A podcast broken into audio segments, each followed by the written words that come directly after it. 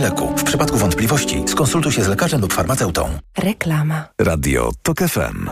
Pierwsze radio informacyjne. Poniedziałek, 2 października, 21.02.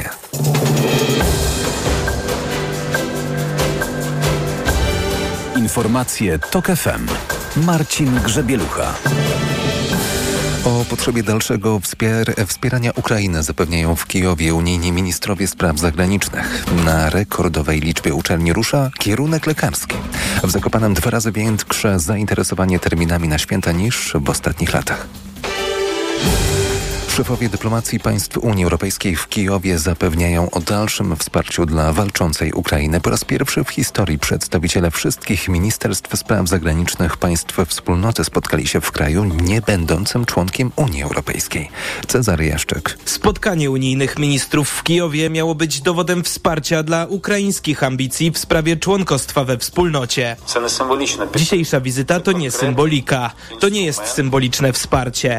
To obalenie narracji o braku jedności. Do tej wizyty przygotowywano się bardzo długo. Wszyscy wykazali polityczną wolę, by tu dzisiaj być. Mówił szef ukraińskiej dyplomacji Dymitro Kuleba. Oprócz poparcia dla członkostwa Ukrainy w Unii, ministrowie zapewniali też o dalszym wsparciu wojskowym i humanitarnym dla Kijowa. Tak długo, jak będzie to konieczne. W ukraińskiej stolicy zabrakło dziś szefa polskiej dyplomacji.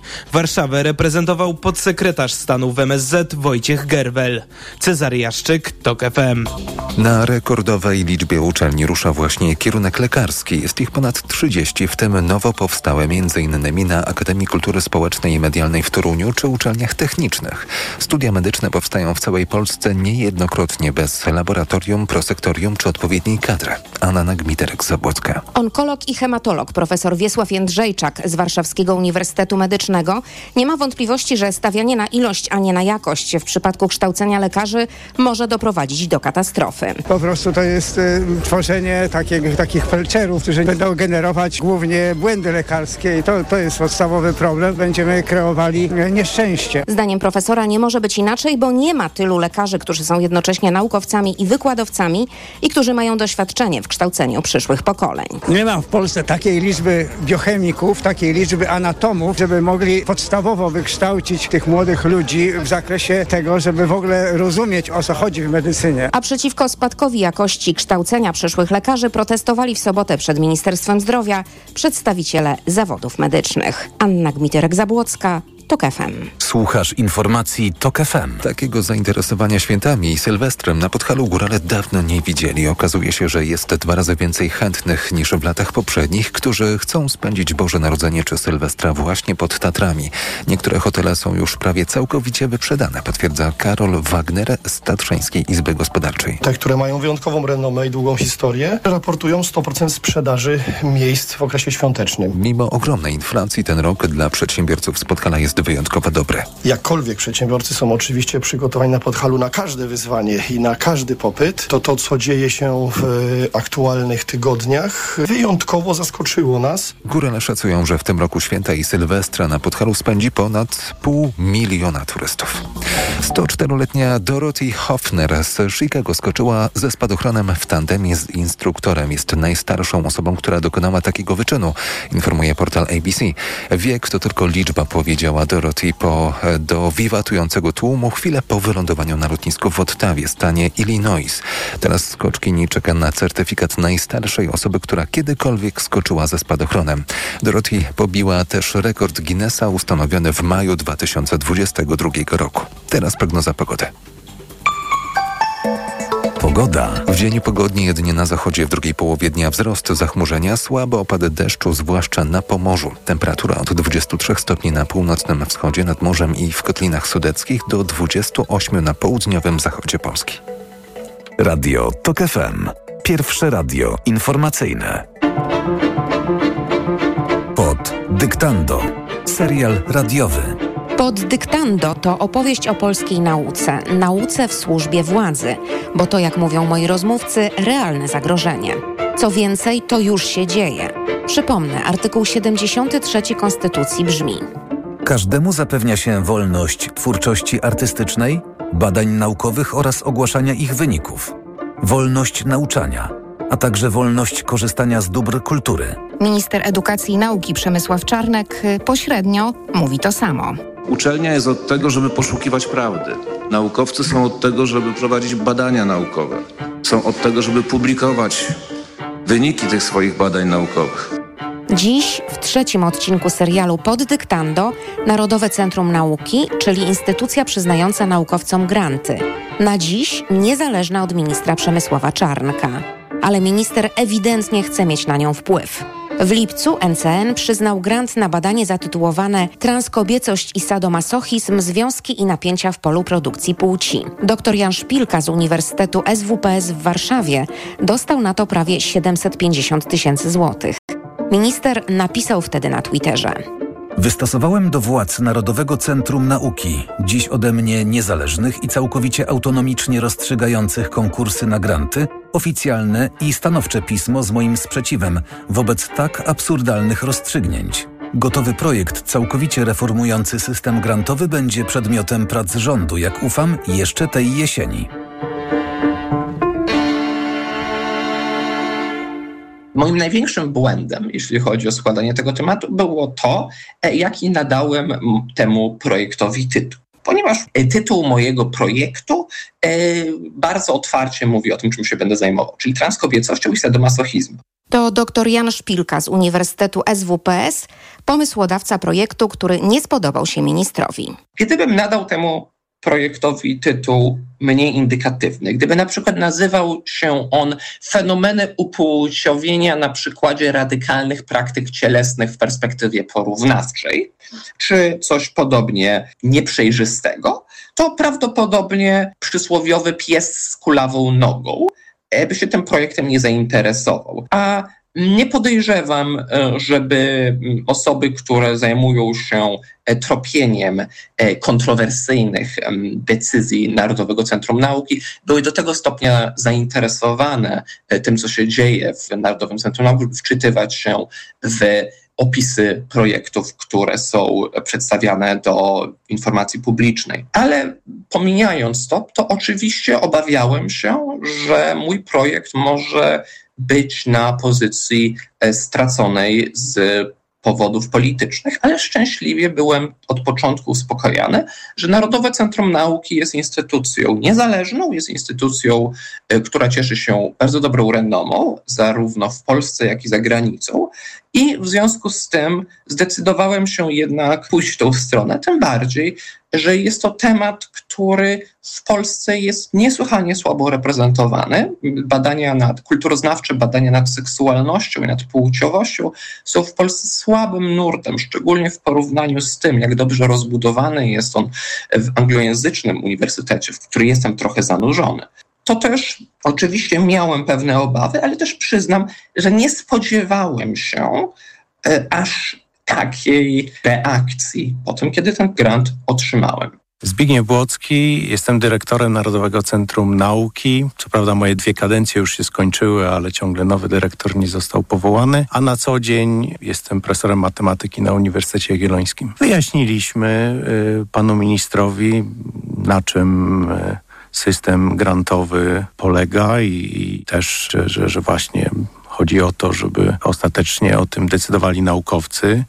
No tak, wyjaśnialiśmy też, że w takim systemie zawsze zdarzają się wnioski, które są kontrowersyjne, być może dla niektórych. No i też e, wyjaśniliśmy dokładniej, jak, jak, jak ten system u nas działa jakaś gazeta e, zidentyfikowała na liście projektów dofinansowanych przez NCN e, projekt, w którym e, użyte były zakazane słowa klucze, czy to jest, nie wiem, LGBT, czy to jest transseksualność, czy cokolwiek innego, co jest, że tak powiem, na agendzie nacenzurowanym. Adam Gęćwił, jestem profesorem Uniwersytetu Warszawskiego, geografem, socjologiem i politologiem i nawet bez wczytywania się w treść projektu, bez wczytywania się w opinię opinie kilkunastu osób specjalizujących się w tej działce wydaje się wyrok, że, że, jest to, że są to środki zmarnowane. Coś niebywałego, znaczy coś, co, co, co w żadnym cywilizowanym kraju nie powinno mieć w ogóle miejsca, bo, bo, bo godzi wprost w, w wolność badań naukowych. Zdecydowanie reakcje polityków na y, niektóre tematy badań które są prowadzone i finansowane na przykład z, z Funduszu Narodowego Centrum Nauki, no wskazują na to, że oni chcieliby mieć wpływ na to, czy dana tematyka będzie realizowana badawczo, czy nie będzie. Doktor habilitowana Natalia Letki, socjolog, politolog, e, pracuje na Wydziale Nauk Politycznych i Studiów Międzynarodowych Uniwersytetu Warszawskiego. Na razie są to tylko takie, można powiedzieć, początki, próby i dlatego wydaje mi się, że y, dobrze by było, żebyśmy się w tym momencie zatrzymali, żeby nie udało się jakby dalej interweniować i decydować o tym, jakie badania będą, a jakie nie będą realizowane. I dlatego jako środowisko naukowcy moim zdaniem powinni bardzo mocno bronić niezależności agencji, jaką jest Narodowe Centrum Nauki, które właśnie finansuje w drodze konkursu, finansuje y, badania i młodych, początkujących i doświadczonych naukowców y, we wszystkich możliwych dyscyplinach. Zawsze postrzegałem NCN, z którym zresztą byłem związany od samego początku jego istnienia, bo na początku byłem e, członkiem Rady, e, jako no można powiedzieć, nadzieję dla polskiej nauki, zarówno na prowadzenie takich międzynarodowych, uznanych e, standardów w konkurencyjnym finansowaniu polskiej nauki, no jak i także na zwiększenie finansowania polskiej nauki, co też y, jest niezbędne do jej rozwoju. Ustawa NCN, zresztą wzorowana na regulacjach, które obowiązują European Research Council y, i też podobnie umiejscowiona agencja jak w praktycznie wszystkich innych krajach rozwiniętych, niezależna, no, po to, żeby o przyznawaniu grantów nie decydowali politycy, ani też urzędnicy i, i to jest też od początku taka instytucja, w której naukowcy dużą rolę pełnią. Jedna z takich istotnych no, zasad, którymi się kierujemy, to to, że nauka nie ma charakteru krajowego, tylko globalny, międzynarodowy i w związku z tym zdecydowana większość e, naszych ekspertów oceniających wnioski to są naukowcy z zagranicy. Ten zakres tej ekspertyzy dzięki temu e, jest znacznie szerszy niż gdybyśmy się ograniczyli tylko do polskich naukowców oraz też ważnym aspektem tego jest e, niezależność na jakieś tutaj lokalne układy powiedzmy. Narodowe Centrum Nauki to jest taka instytucja, która finansuje projekty badawcze w drodze konkursowej w zakresie badań podstawowych. Marcin Nowotny, jestem kierownikiem pracowni w Międzynarodowym Instytucie Biologii Molekularnej i Komórkowej w Warszawie. Jestem biologiem molekularnym, biologiem strukturalnym. Praktycznie od podstaw, od zera powstała instytucja na podstawie najlepszych wzorców światowych, która funkcjonuje moim zdaniem w sposób najlepszy możliwy. Jest to instytucja, która jest e, prowadzona przez e, naukowców. Decyzje są podejmowane na zasadach merytorycznych, e, wyłącznie na podstawie jakości składanych projektów. I można powiedzieć, że Narodowe Centrum Nauki jest w tej chwili absolutnym filarem tej najbardziej produktywnej, najciekawszej, najważniejszej działalności naukowej w Polsce. Taki moment, kiedy postanowiłam, że mm, powinnam spróbować też e, złożyć grant do Narodowego Centrum Nauki. E, złożyłam grant e, Opus i w pierwszym rzucie tego grantu nie dostałam. E, dostałam recenzję. Z częścią e, rzeczy się nie zgadzałam, więc odpowiedziałam na tą recenzję, już składając ten grant powtórnie i za drugim razem e, grant Opus dostałam. Patrycja Matusz, profesor politologii, Uniwersytet Wrocławski. Później byłam również recenzentką w, i ekspertką w Narodowym Centrum Nauki i wspieram NCN całym sercem zawsze, dlatego że uważam, że to był chyba najlepszy system wprowadzony w Polsce, jeśli chodzi o dystrybucję środków na badania. Oczywiście wiem, że jest wiele dyskusji na temat tego, że dużo osób nie dostaje grantów, że jest ciężko dostać grant, ale to jest związane głównie z no, niedoborami finansowymi, a nie jest to związane z jakąś nietransparentnością czy złym systemem oceny tych grantów przez NCN. Uważam, że to jest e, bardzo dobra instytucja. Nauka jest globalna, nauka jest światowa. Musimy być otwarci na ocenę. Staramy się przyznawać granty najlepszym naukowcom i to akurat przy ocenie wniosków nie oceniamy ośrodków. Można powiedzieć, że my tylko i wyłącznie oceniamy e, ludzi, którzy aplikują. No naszym zadaniem, tak my to widzimy, jest dawanie grantów najlepszym. Wyobraża pan sobie Narodowe Centrum Nauki, w którym finansowaniem zarządza minister edukacji i nauki? No, pewnie mam dość dużą wyobraźnię i, i, i są kraje, do których nie wiem, czy byśmy tak się chcieli bardzo porównywać, ale w których tak to e, pewnie działa. Nie jest to twór, który jest absolutnie idealny, ale najlepszy możliwy. Tak? To znaczy no, trochę jak z demokracją. Wiemy, że to nie jest idealny system, ale na razie nie wymyśliliśmy lepszego. Jest to twór niezależny, jest to twór zarządzany przez e, naukowców. Rada Narodowego Centrum Nauki podejmuje te kluczowe decyzje. To są przedstawiciele środowiska naukowego. Decyzje o e, przyznawaniu projektów badawczych są dokonywane przez grono ekspertów i w tej chwili no, w zależności od dyscypliny, ale przypuszczam, że w niektórych dyscyplinach to prawdopodobnie w całości są eksperci międzynarodowi. Ten system grantowy, który funkcjonuje na świecie, a mam doświadczenia z ogromną liczbą międzynarodowych e, instytucji grantowych. Byłem grantobiorcą instytucji amerykańskich, brytyjskich, europejskich. Jestem członkiem, e, jestem członkiem różnych paneli w europejskich organizacjach, które decydują o przyznawaniu stypendiów i, i grantów ten system, nawet jeśli w jakimś stopniu jest ułomny, ponieważ opiera się o mm, pewne subiektywne decyzje panelistów, jest najlepszym, jaki możemy stworzyć. Ja nawet nie potrafię sobie wyobrazić, jak ten system mógłby być inaczej skonstruowany.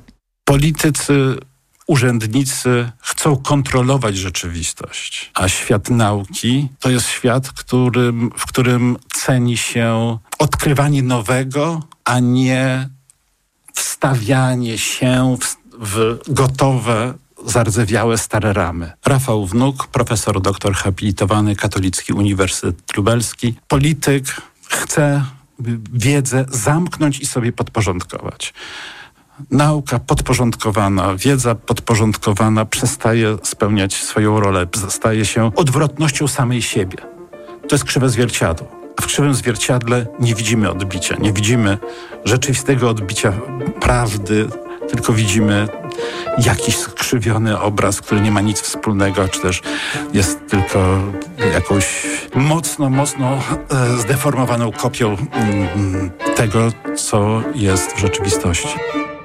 Naukowiec, by móc prowadzić badania, musi mieć na to pieniądze.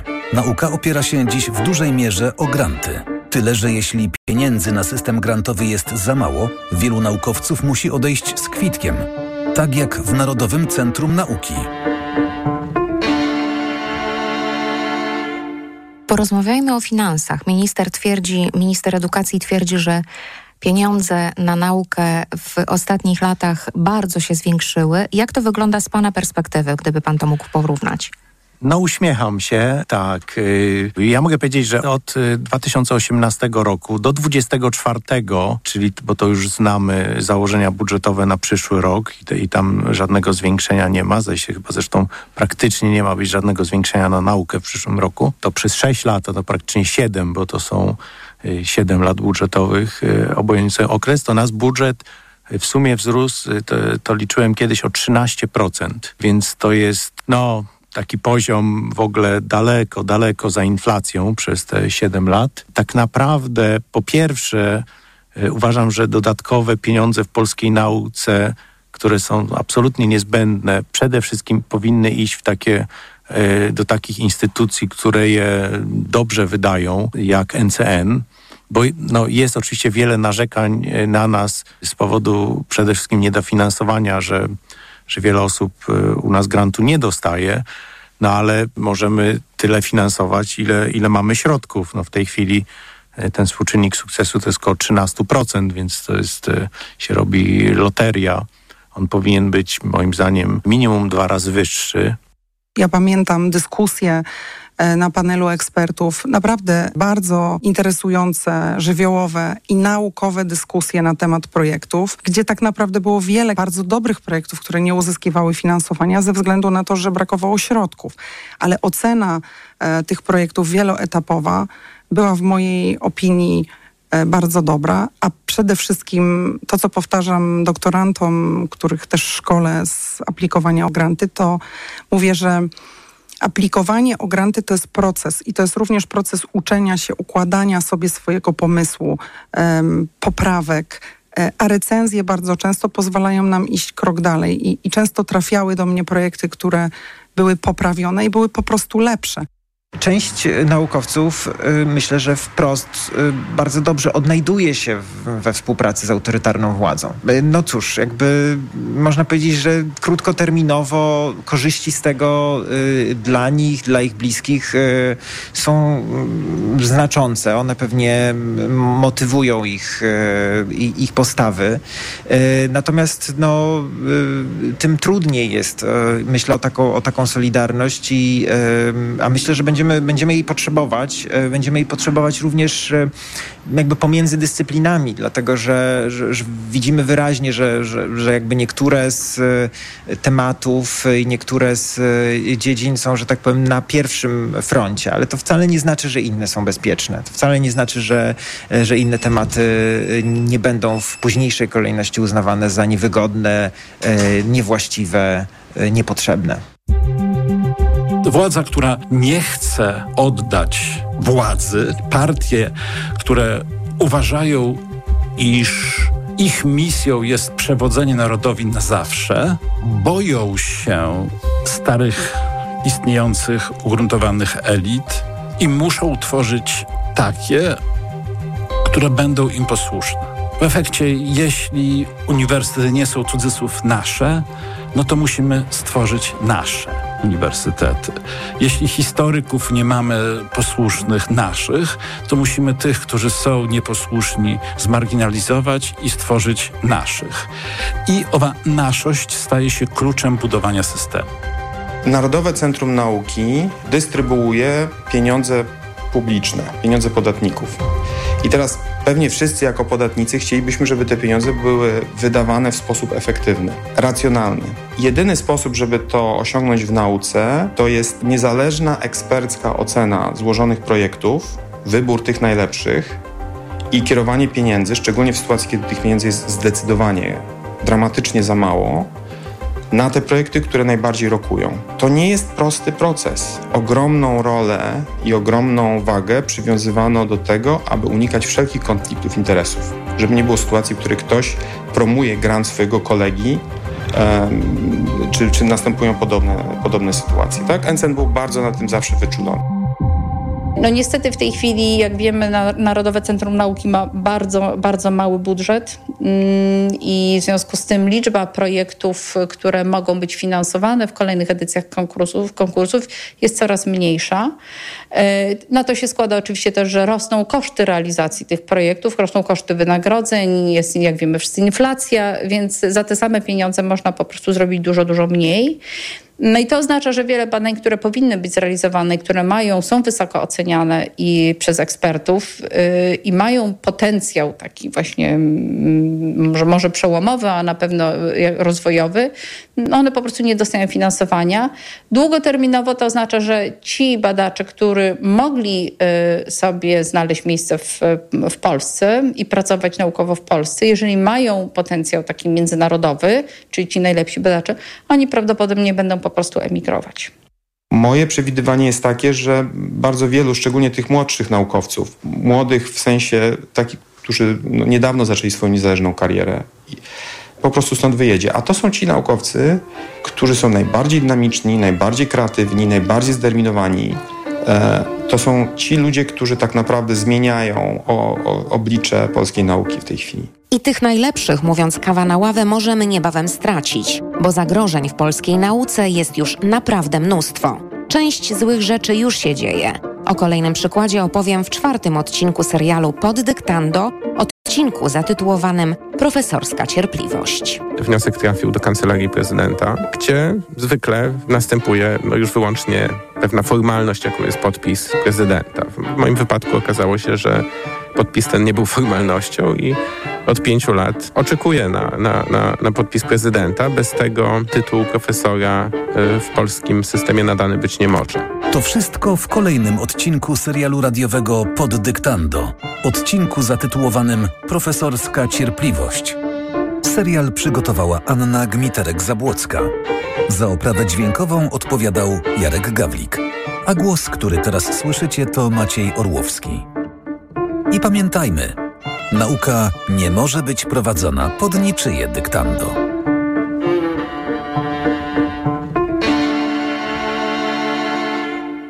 Reklama. Jak lubicie się kochać? Spontanicznie, intensywnie, namiętnie i bez presji czasu? Maxigra Max daje Ci swobodę działania już po 12 minutach. Zawsze, kiedy macie ochotę na zbliżenie.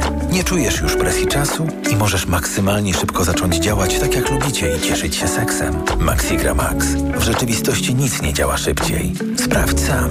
Sildenafil w porównaniu z tadalafilem zawartym w lekach na erekcję dostępnych bez recepty zaczyna działać szybciej. Maxigra Max. Jedna tabletka powlekana zawiera 50 mg sildenafilu do stosowania u dorosłych mężczyzn z zaburzeniami erekcji, czyli niezdolnością uzyskania lub utrzymania erekcji bądź wystarczającej do odbycia stosunku płciowego. Aby sildenafil działał skutecznie, konieczna jest stymulacja seksualna. Podmiot odpowiedzialny zakłady farmaceutyczne Polpharma S.A.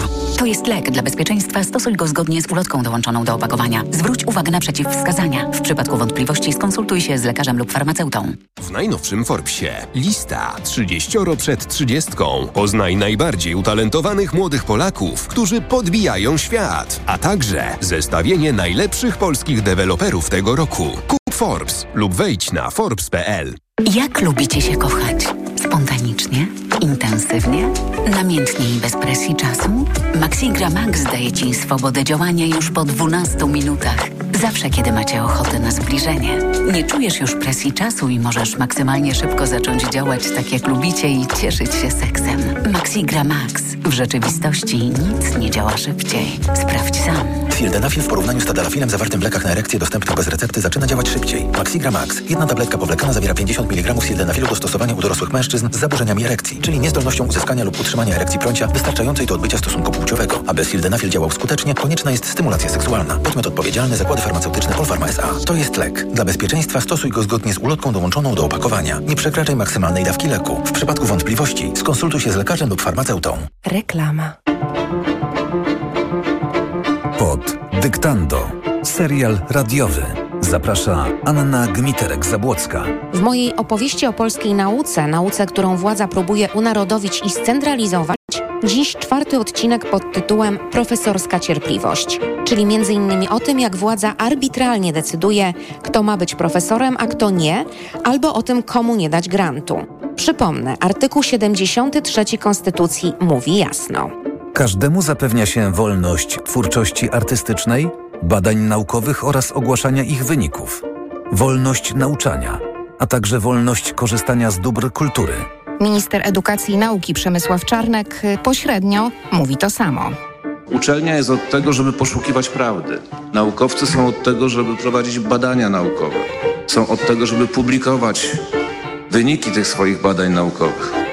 Fakt, że ktoś nie otrzymuje przez wiele, wiele lat przyznanego już tytułu, czyli nie odbywa się ten ostatni punkt, nominacja, no to to jest kara. Kara, która również przekłada się na status majątkowy tego naukowca, który powinien być od pięciu, czy siedmiu, czy dziesięciu lat już profesorem, a nie jest. Dziś w czwartym odcinku mojego serialu Pod dyktando historie z życia wzięte. Coś, co wydaje się nieprawdopodobne, a jednak się dzieje. Na przykład prezydent, który nie nadaje tytułu profesora, mimo dopełnienia wszelkich wymogów formalnych. Wniosek o nadanie tytułu profesora trafił do Kancelarii Prezydenta w 2018 roku. Po przejściu całej procedury, która odbywała się wówczas w Centralnej Komisji do Spraw Stopni i Tytułów Naukowych, obecnie ta instytucja się nazywa Radą Doskonałości Naukowej. Michał Bilewicz, jestem profesorem Uniwersytetu Warszawskiego, psychologiem społecznym. No i to jest takie ciało, które jest oparte na typowych dla nauki mechanizmach peer review, czyli wzajemnej oceny uczonych.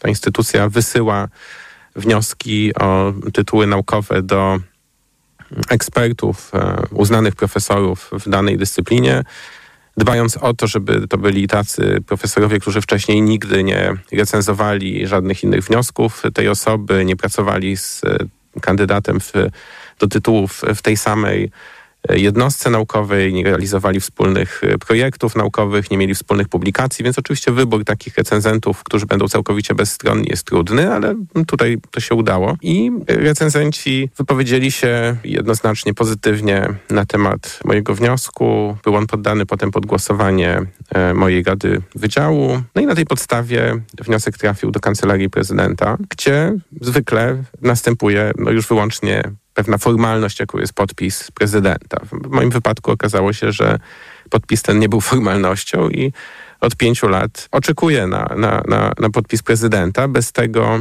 e, tytuł profesora e, w polskim systemie nadany być nie może. No właśnie, jakie działania prawne pan podjął? Wystąpiłem e, ze skargą do e, sądu administracyjnego. Miałem poczucie, że nastąpiła tutaj przewlekłość postępowania w mojej sprawie i no, udało mi się wygrać tą, tą sprawę. Nasi znaczy prawnicy, którzy, którzy reprezentowali mnie, ich argumentacja przekonała e, sąd, natomiast e, Kancelaria Prezydenta e, złożyła kasację tego wyroku i on trafił obecnie do NSA, z tego co mi wiadomo. Kancelaria Prezydenta twierdzi, że nie podlega prezydent zapisom kodeksu prawa administracyjnego w tej sprawie, tylko że jest to rodzaj swoistej prerogatywy prezydenta, który może no, zadecydować trochę zgodnie ze swoim widzimisię, komu tytuł profesora nadaje, a komu nie.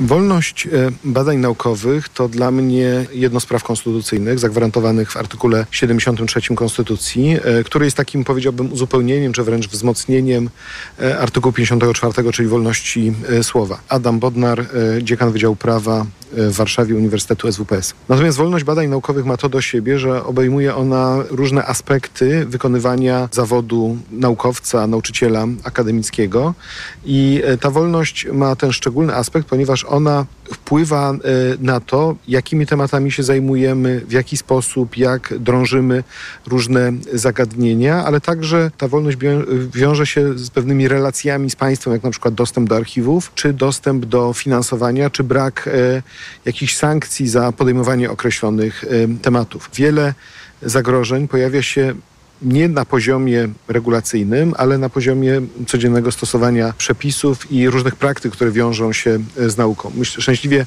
nie żyjemy w państwie, w którym e, uczelnie byłyby likwidowane, czy też pozbawiano by ich uprawnień e, do prowadzenia zajęć, tak jak się to stało na Węgrzech w kontekście Uniwersytetu Środkowoeuropejskiego. Natomiast to nie znaczy, że uczelnie nie znajdują się pod presją.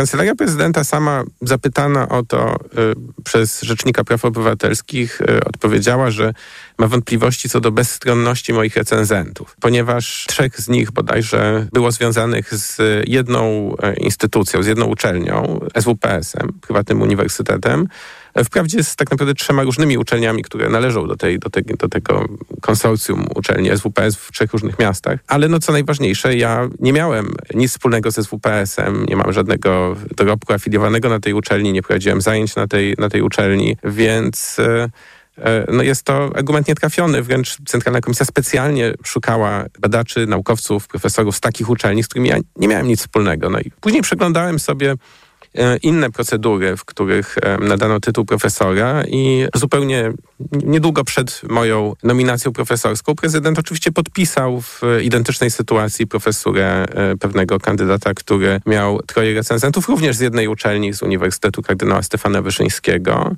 E, zupełnie niedawno mój kolega z wydziału również otrzymał nominację profesorską od prezydenta w sytuacji, w której troje jego recenzentów również było chyba w tym wypadku akurat ze WPS-u, dokładnie z tej uczelni, która rzekomo no, nie daje gwarancji bezstronności recenzentów zdaniem prezydenta. Więc ewidentnie to, to, to wytłumaczenie, to wyjaśnienie przez kancelarię prezydenta było próbą jakiegoś e, wytłumaczenia się argumentem absurdalnym, argumentem, który zupełnie e, nie miał znaczy nie był prawdziwym, prawdziwą przyczyną e, ich decyzji, ich e, przewlekłości, odmowy podpisania e, tego dokumentu. Co może być naprawdę przyczyną? Wydaje mi się, że może to być niechęć do nagradzania tytułem profesorskim, jeżeli to jest traktowane przez prezydenta jako rodzaj nagrody, osiągnięć w dziedzinie, którą obóz Zjednoczonej Prawicy uważa za antypolską. Słyszeliśmy to wielokrotnie z ust e, ministra Czarnka, że badania dotyczące antysemityzmu w Polsce, dotyczące uprzedzeń Polaków, dotyczące dyskryminacji, to są badania, które są niebezpieczne, które nie powinny być finansowane, które nie powinny być nagradzane, więc przypuszczam, że to może być jedną z, e, z przyczyn. Tutaj akurat obecny obóz władzy wybrał sobie pewne dziedziny wiedzy, pewne dyscypliny,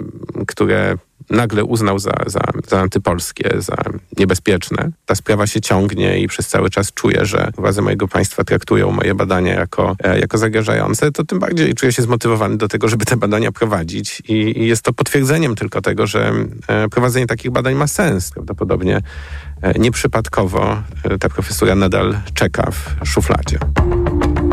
Do szuflady trafiają też niejednokrotnie wnioski o granty. W poprzednim odcinku serialu Pod Dyktando opowiadaliśmy o Narodowym Centrum Nauki, które działa niezależnie od polityków. O przyznaniu pieniędzy na projekt decyduje tu wyłącznie grono naukowców, często z zagranicy. Ale są też granty przyznawane przez ministra edukacji i nauki, między innymi dla młodych naukowców. Filozofka, dr Joanna Malinowska, była na pierwszym miejscu listy rankingowej, ale granty dostali inni. Ona o swoje prawo musi walczyć przed sądem. Trudno jest mi jednoznacznie powiedzieć, co się wydarzyło, ponieważ ja tego po prostu nie wiem i prawdopodobnie nigdy się nie dowiem. Jedyne co wiem, to to, że to stypendium nie zostało mi przyznane i mówiąc całkowicie szczerze, ja zaakceptowałam tą wiadomość. E, na początku znałam, że po prostu w takim razie w kolejnym roku muszę się bardziej postarać. Natomiast miesiąc po tym, jak um, dowiedziałam się, że, że nie dostałam stypendium, um, dostałam list z ministerstwa z uzasadnieniem decyzji, w którym to jednoznacznie było napisane, że byłam pierwszą osobą na liście rankingowej w obszarze filozofii i mimo to minister postanowił inaczej niż rekomenduje to zespół ekspercki, właśnie tworząc ten ranking, i, i uznał, że nie przysługuje, że nie da mi stypendium. Poczułam, że bez względu na to, co ja zrobię i co osiągnę, to tak czy inaczej, z powodów, które nie są mi znane i których tylko mogę się domyślać, takiego stypendium nie dostanę, jeżeli ministrem e, edukacji i nauki zostanie minister Czarnek. Trudno tak naprawdę zaakceptować uzasadnienie ministerstwa, ponieważ jeżeli chodzi o te, to uzasadnienie, które dostałam wraz z informacją o nieprzyznaniu stypendium, to uzasadnienie tak naprawdę to był jeden albo, nie pamiętam już dokładnie, jeden czy dwa akapity, e, e, gdzie poinformowano mnie, e, że decyzja umotywowana jest faktem, że nie dostałam punktów dodatkowych za tak zwany wpływ na dyscyplinę w Polsce. Ten argument jest po prostu absurdalny, ponieważ w jaki sposób te punkty są przyznawane, tego tak naprawdę nikt nie wie. Poza tym, że są to punkty dodatkowe. Ja bez tych punktów e, byłam pierwsza na liście i nigdzie w kryteriach nie ma żadnej informacji na temat tego, że te punkty dodatkowe, zresztą jak sama nazwa ich wskazuje, są pewnego rodzaju mm, kryterium, które należy spełnić, to znaczy trzeba je mieć, aby takie stypendium dostać. No jeżeli władza daje do zrozumienia, że środki publiczne będą przyznawane wyłącznie za słuszne badania, no to naukowcy uruchamia się taki podświadomy mechanizm. To może ja, co ja będę taki temat yy, badał? To wiadomo, że żadnych na to grantów nie dostanę. Piotr Osenka, y, doktor habilitowany historii, profesor w Instytucie Studiów Politycznych Polskiej Akademii Nauk.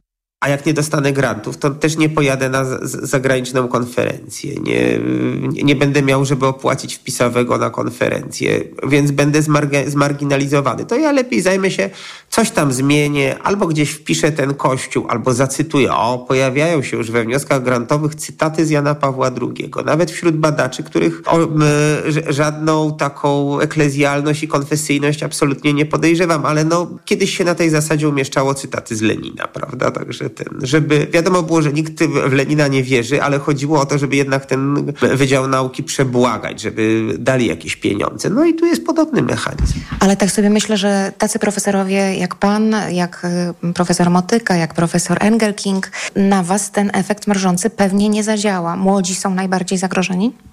E, są zagrożeni w, w, dwóch wymiarach. Jedni się będą konformizować. No, przy założeniu oczywiście, że ta polityka będzie kontynuowana a no, jeżeli PiS y, utrzyma się przy władzy y, jesienią, no to na pewno będzie i będzie wręcz intensyfikowana, więc część badaczy się będzie konformizować, a część będzie uciekać. No po prostu będzie trwał eksodus, to znaczy ci badacze, którzy są najlepsi, otwarci, którzy mają szansę w konkurencji na rynku międzynarodowym, będą za wszelką cenę chcieli z polskiej nauki uciec, bo tu nie będą widzieli dla siebie miejsca, bo tu się stanie duszno i ciasno i, i, i zostaną wyłącznie tępi konformiści, tacy przyklaskiwacze, którzy będą powielać to, co już wcześniej napisano. W efekcie straci, stracą Polacy jako naród. To znaczy będziemy mieli gorszą humanistykę, gorszą naukę. Właśnie zamiast zamiast refleksyjnych badaczy będziemy mieli ograniczonych partyjniaków, epigonów, którzy tylko i wyłącznie nawzajem od siebie przypisują, siebie klepią po plecach i siebie chwalą.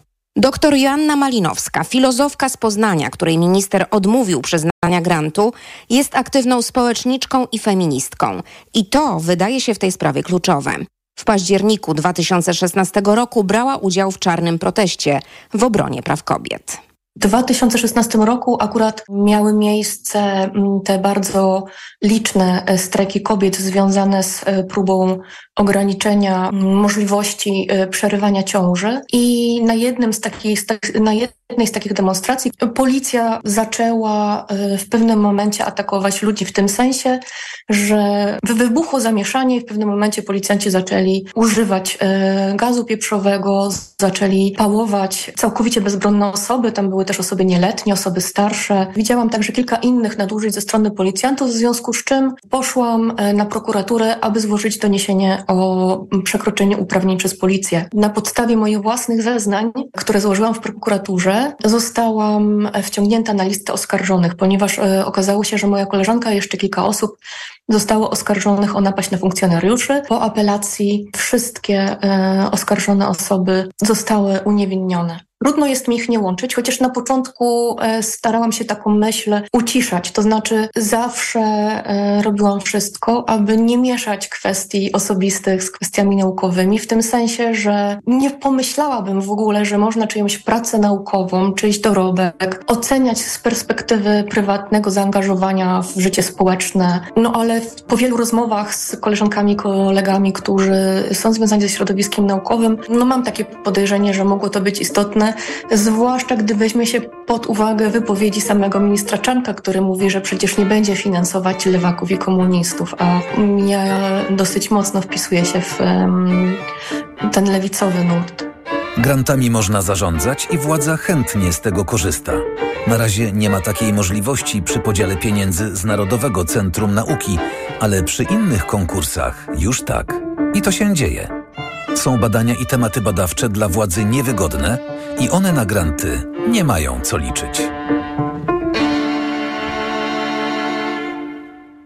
Niektóre tematy, te właśnie uznane za centralne w projekcie politycznym polityki historycznej Zjednoczonej Prawicy, mogą być badane według, według decydentów wyłącznie z jednej perspektywy i stawiane wyłącznie w pewnym świetle. Rafał Wnuk, profesor doktor habilitowany Katolicki Uniwersytet Lubelski, zajmuje się historią podziemia y, antyniemieckiego, antykomunistycznego, funkcjonowaniem systemów totalitarnych. By nie być gołosłownym, jeżeli mówimy o podziemiu antykomunistycznym, to są to bohaterowie bez skazy. Heroiczni bohaterowie bez skazy, naukowcy, którzy pokazują, że nie jest to tak proste, oskarżani są o antypolskość, brak patriotyzmu, reprezentowanie, cytuję, niepolskiego punktu widzenia. Jeżeli mówimy o relacjach polsko-żydowskich, również niekiedy ten sposób myślenia e, rzutuje na przykład na kwestię dyskusji o akcji Wisła, kwestia stosunku do Białorusinów, generalnie relacje y, między Polakami a innymi grupami narodowościowymi są dotknięte takim problemem, są dotknięte, y, są właśnie szczególnie wrażliwe. Efekt jest taki, że historycy zajmujący się albo chcący się zajmować e, tą tematyką muszą mieć świadomość, iż instytucje państwowe będą ich marginalizowały. W praktyce oznacza to, że szansa na otrzymanie grantu badawczego gwałtownie maleje. Szansa na wydanie książki w instytucjach państwowych też no, bardzo szybko i bardzo gwałtownie zanika. Najgorsze jest to, że system ten, system ten sprawia, iż pewne książki w ogóle nie powstaną, bo początkujący historycy po prostu się napiszą ze strachu. A w kolejnym odcinku serialu radiowego Pod Dyktando historia kolejnej uczelni, na którą, jak mówią moi rozmówcy, wkroczyła polityka. Choć zaczęło się naprawdę niewinnie od odwołania rektora. Nikt nie chce zbadać stanu faktycznego, który doprowadził do obecnej sytuacji, a wszystko tak naprawdę sprowadza się prawdopodobnie do tego, że, że działa tutaj polityka. Kolejny odcinek serialu Pod Dyktando będzie zatytułowany Rektor musi być nasz. Serial przygotowała Anna Gmiterek-Zabłocka. Za oprawę dźwiękową odpowiadał Jarek Gawlik, a głos, który teraz słyszycie, to Maciej Orłowski. I pamiętajmy, nauka nie może być prowadzona pod niczyje dyktando.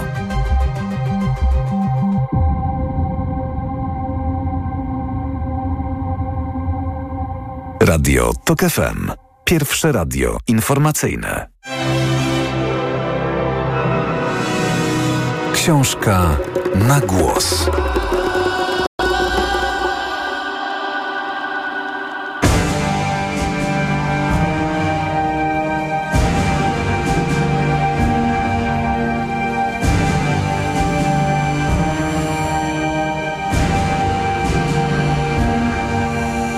Michał Kokot.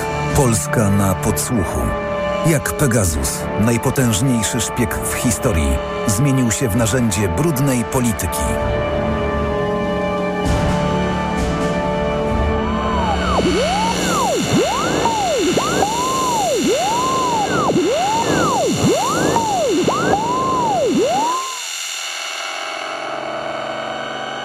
Długo podnosiliśmy się po kampanii z jesieni 2019 roku i hejcie, który rozpętała państwowa telewizja. Po półtora roku dojrzała w nas myśl, że trzeba coś z tym zrobić, mówi Dorota Brejza. Brejzowie nie wiedzieli, co się dzieje w śledztwie. Państwowe media publikowały w 2019 roku przecieki z postępowania, po których jedynie mogli się domyślać, że prokuratura bada wątek rzekomego uwikłania Krzysztofa Brejzy w aferę fakturową. Wgląd do akt mieli zablokowany. Prokurator nie chciał ich udostępnić nawet stronie poszkodowanej, miastu Inowrocław, które okradła Agnieszka H. do spółki z innymi urzędnikami i zaprzyjaźnionymi przedsiębiorcami, dopóki śledztwo trwało. Cały czas nie dawał mi spokoju ten SMS, który w 2019 roku opublikowała telewizja, telefonikami, które czekały na myjni. Byłem pewien, że to nie ja go wysłałem i że cała ta przestępcza narracja o organizowaniu przeze mnie jakiejś grupy hejterów jest wielkim kłamstwem i manipulacją, mówi Krzysztof Brejza. By to ustalić, musiał znaleźć oryginalnego SMS-a, który wysłał, ale nie mógł tego sprawdzić. Jego iPhone nagle się popsuł. Polityk podejrzewał nawet, że mogły stać za tym służby. Na świecie zdarzały się przypadki zdalnego niszczenia urządzeń przez wgranie do nich wirusów. Brejzowie popsuty telefon na wszelki wypadek trzymali z dala od siebie w domku letniskowym na Kaszubach. W maju 2021 roku Krzysztof Brejza spróbował go naprawić. Oddał telefon do małego punktu naprawy naprzeciwko galerii handlowej w Toruniu. Kobieta, która go przyjmowała, powiedziała, że jeśli uszkodzona jest płyta główna, to nic nie da się z nim zrobić, ale jeśli to tylko kwestia baterii, powinien dać się włączyć. Nie bardzo wierzyłem w to, że się uda. Był z synem na zakupach, gdy zadzwoniła serwisantka. Proszę przyjść, telefon działa. Chwilę później Brejza wszedł do serwisu. Nie zastanawiał się długo i trzymając w ręce telefon wciąż podpięty pod kabel, wpisał w wiadomościach słowo myjnia. System natychmiast wypluł SMS-a.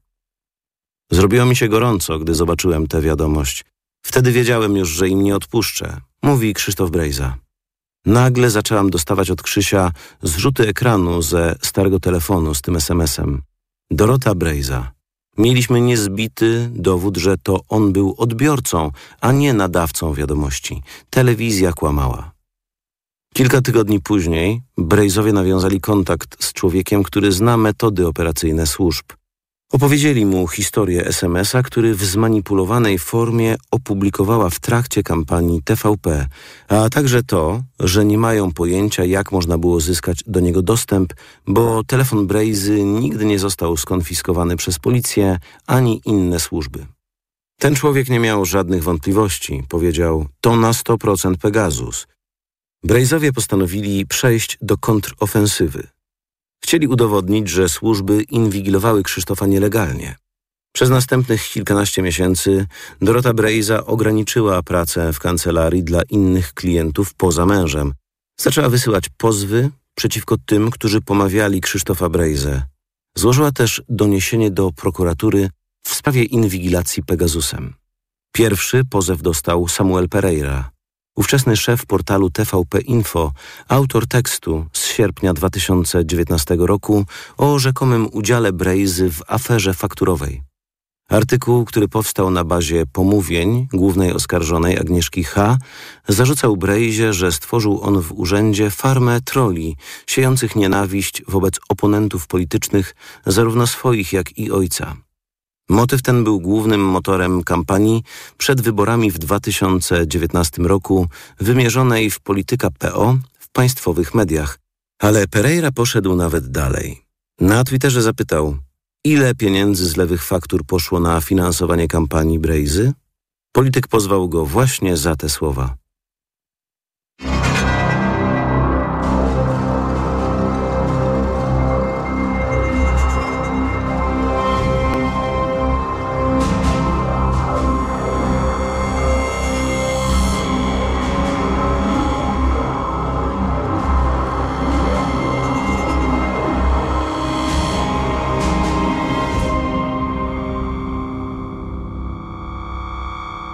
Sierpniu 2021 roku Brejzowie wytoczyli telewizji polskiej sprawę o pomówienie. Chodziło znowu o tekst Pereiry, w którym ten utrzymywał, że za pieniądze z lewych faktur kupowany był do inowrocławskiego urzędu sprzęt, z którego korzystał Krzysztof Brejza. Jak się później okazało, w całości oparty na wyjaśnieniach głównej oskarżonej Agnieszki H. W lutym 2023 roku pojechałem na proces, który toczył się w Bydgoszczy. Zarówno Pereira, jak i jego obrońca, Artur Wdowczyk, występowali na nim zdalnie. Wdowczyk nie szczędził politycznych komentarzy podczas procesu. Gdy Dorota Brej zamówiła przed bydgoskim sądem o tym, że sprawę inwigilacji Pegasusem opozycji w Polsce potępiła Komisja Parlamentu Europejskiego, Wdowczyk odparł: To mówią ludzie, którzy brali łapówki w Brukseli. Był to czas, gdy w Parlamencie Europejskim wykryto wielką aferę korupcyjną. PiS suflowało narrację, według której krytyka Polski przez Komisję Europejską jest nieuprawniona ze względu na odkrycie afery korupcyjnej w Parlamencie Europejskim, choć w rzeczywistości to dwie odrębne instytucje unijne. Podczas procesu w Bydgoszczy Pereira przedstawiał się jako ofiara Brejzów, którego ci nękają, bo rzekomo odkrył o nich niewygodne prawdy. Państwo Brejza próbują mnie zdyskredytować, obniżyć wiarygodność moich informacji, atakować część ofiar. Czuję się zaszczuty i czuję, że nie tak powinien wyglądać uczciwy proces. Sprawcy tej afery są zamieniani z ofiarami, które są zaszczuwane, mówił przed sądem. W rzeczywistości to Pereira mylił ofiary ze sprawcami. Ofiarą procederu i stroną poszkodowaną w sprawie afery fakturowej jest formalnie miasto Inowrocław.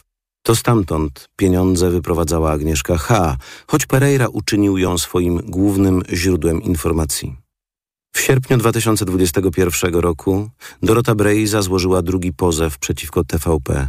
Domaga się przeprosin w związku z publikacją zmanipulowanych SMS-ów, ma już wtedy dowód ze starego telefonu, że telewizja zamieniła nadawcę z odbiorcą wiadomości.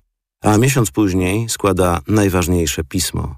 To zawiadomienie do prokuratury w Bydgoszczy o włamaniu do telefonu Krzysztofa Brejzy. nielegalnej kontroli operacyjnej i nadużyciu uprawnień przez funkcjonariuszy CBA. Prokuratorzy traktują je jak gorący kartofel. Przez kilka miesięcy zawiadomienie krąży pomiędzy różnymi miastami. Prokuratura Okręgowa w Bydgoszczy przekazuje sprawę do prokuratury wyższej instancji regionalnej w Gdańsku. Ta z kolei nie wie, co ze sprawą zrobić i przesyła ją na jeszcze wyższy szczebel do prokuratury krajowej.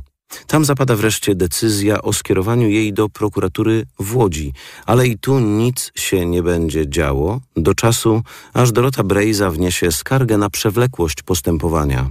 Zgodnie z prawem, prokuratura po wpłynięciu zawiadomienia powinna zdecydować w ciągu sześciu tygodni, co robić dalej. Wtedy sprawa powędruje do prokuratury w Ostrowie Wielkopolskim. Tam prokurator wszczyna śledztwo, które toczy się do dzisiaj. Nie wiadomo jednak, co aktualnie się z nim dzieje, bo rzecznik prokuratury w Ostrowie nie odpowiedział na moje pytania, na jakim jest ono etapie. Ten sam ostrowski prokurator Marcin Kubiak rozpatrywał już jedno zawiadomienie w sprawie afery inowrocławskiej. Chodziło o artykuł Pereiry z sierpnia 2019 roku i zeznania Agnieszki H. Sprawa była badana pod kątem nielegalnego udostępniania materiałów ze śledztwa i ich publikacji. Również to zawiadomienie prokuratury przerzucały między sobą. Ostatecznie w grudniu 2020 roku sprawę wycieku zeznań do TVP Info prokurator Kubiak umorzył z powodu niewykrycia sprawców. Prokurator odmówił mi dostępu do akt umorzonej sprawy, a rzecznik nie przytoczył uzasadnienia tej decyzji prokuratora Kubiaka. Napisał o tym jednak tygodnik Nie, którego dziennikarz uzyskał informację od prokuratury, że opublikowanie przez TVP Info zeznań Agnieszki H. cechowało się niską szkodliwością społeczną czynu. Prokuratura miała się przy tym powołać na orzecznictwo Europejskiego Trybunału